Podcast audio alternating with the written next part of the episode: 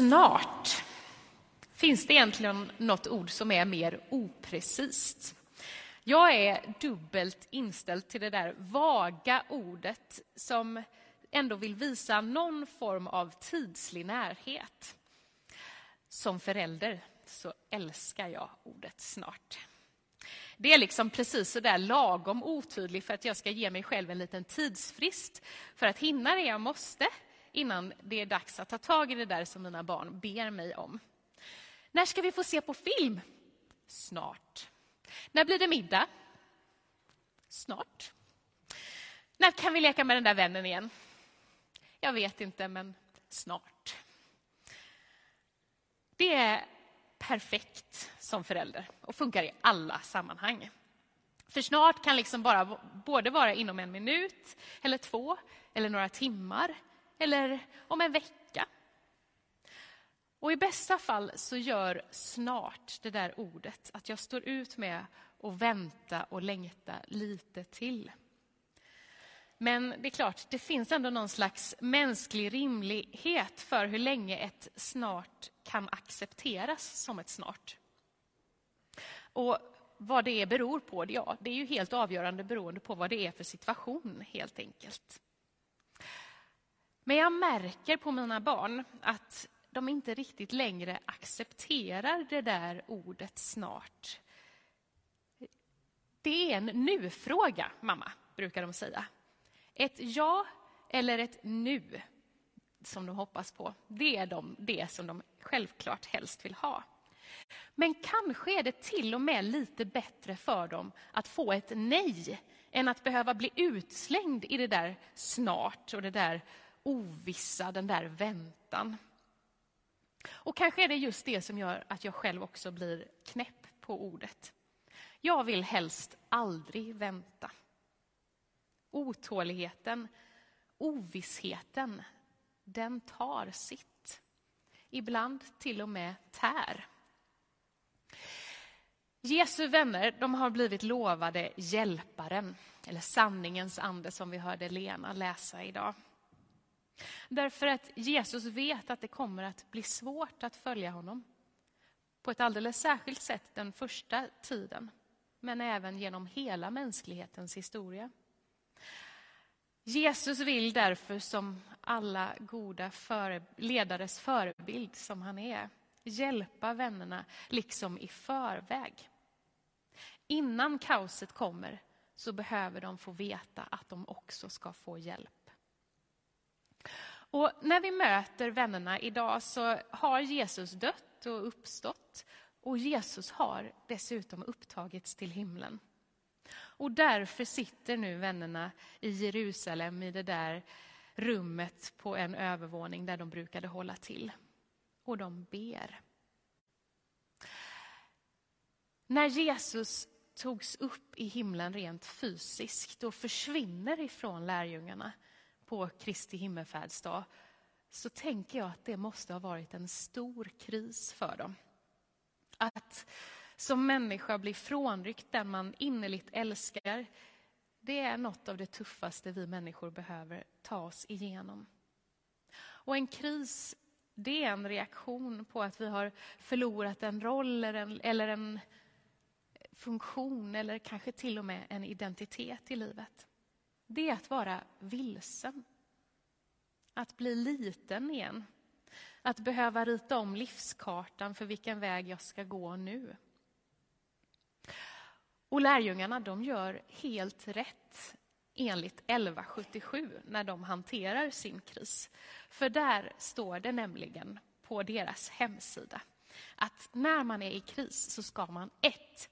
Hitta saker som ger dig lugn och kraft. 2. Hitta saker som du tycker om. 3. Försök att hitta bra vanor och rutiner. Sova, äta på sig äh, inte äta på sig, äta, röra på sig skulle jag säga. Och det är precis vad vännerna gör ju. De vandrar till Jerusalem, de samlas i ett rum med dem som de älskar. Och de vet sedan länge vad som ger dem lugn och kraft och vad de tycker om. Att hålla ihop, att be. Så småningom, det får vi inte höra idag, men det som händer här i deras väntan, ursäkta, det är att de utser en efterträdare till, till Judas, så att de fortfarande är tolv. Och lotten faller på Mattias. I övrigt så verkar det inte hända särskilt mycket för dem. De håller ihop i det där rummet och ber. Det är nio dagar i bön, i väntan på en stund som ska komma. Där och då vet de såklart inte att det är nio dagar de ska vänta. Det är en oviss tid. Ännu har den helige Ande, Hjälparen, inte kommit. Förföljelserna har inte heller börjat.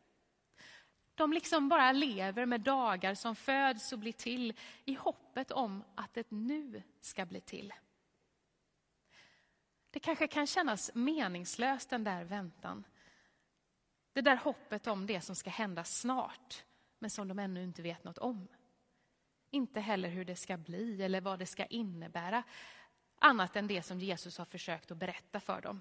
Det kommer att bli svårt och ni kommer att få hjälp. Det är så mycket frågor i mig som väcks. Och jag vet inte om det är lärjungarnas frågor också, där de sitter och ber i väntan på att Gud ska agera.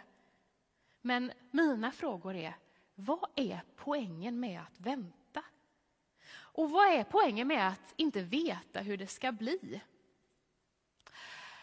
Alltså det där sista, det kanske vi egentligen får svar på direkt av Jesus själv idag när han säger, jag har mycket mer att säga er, men ni för inte, förmår inte att ta emot det nu. Att försöka att förbereda någon på någonting som den inte är redo för att höra, det är kanske liksom lönlöst. Kanske är det först när vi verkligen är redo som vi verkligen kan höra och verkligen ändå kan förstå vad det är Jesus vill. Jag vet inte, men kanske är det så att Gud vill hjälpa oss att verkligen erfara vem Gud är, liksom ett steg i taget. Inte mer än vi kan hantera på en gång. Inte alltihopa samtidigt. Men att vi ändå genom allt detta ska lita på Jesus och veta att vi får det som vi behöver när vi behöver det. Jag tänker att vännerna där i kaoset ber säkert om att få stilla sig efter det känslomässiga tumult de har varit med om kring allt som har hänt kring Jesus. Men jag tror också att de ber av en helt annan anledning. Sanningens ande, hjälparen, den heliga anden som är till för tröst, den ber de om absolut. Men det ord som står på grekiska för den heliga anden, parakletos, som översätts med hjälparen, det betyder rent ordagrant den man kallar på för att stå vid ens sida. Eller den hitropade. Den som kommer till försvar och till hjälp. Det är alltså Andens väsen att vara hitropad. I vår verkliga värld här och nu så är det så mycket som vill ta livsglädjen ifrån oss, som vill få oss att förtvivla. Inte minst när vi är i kris.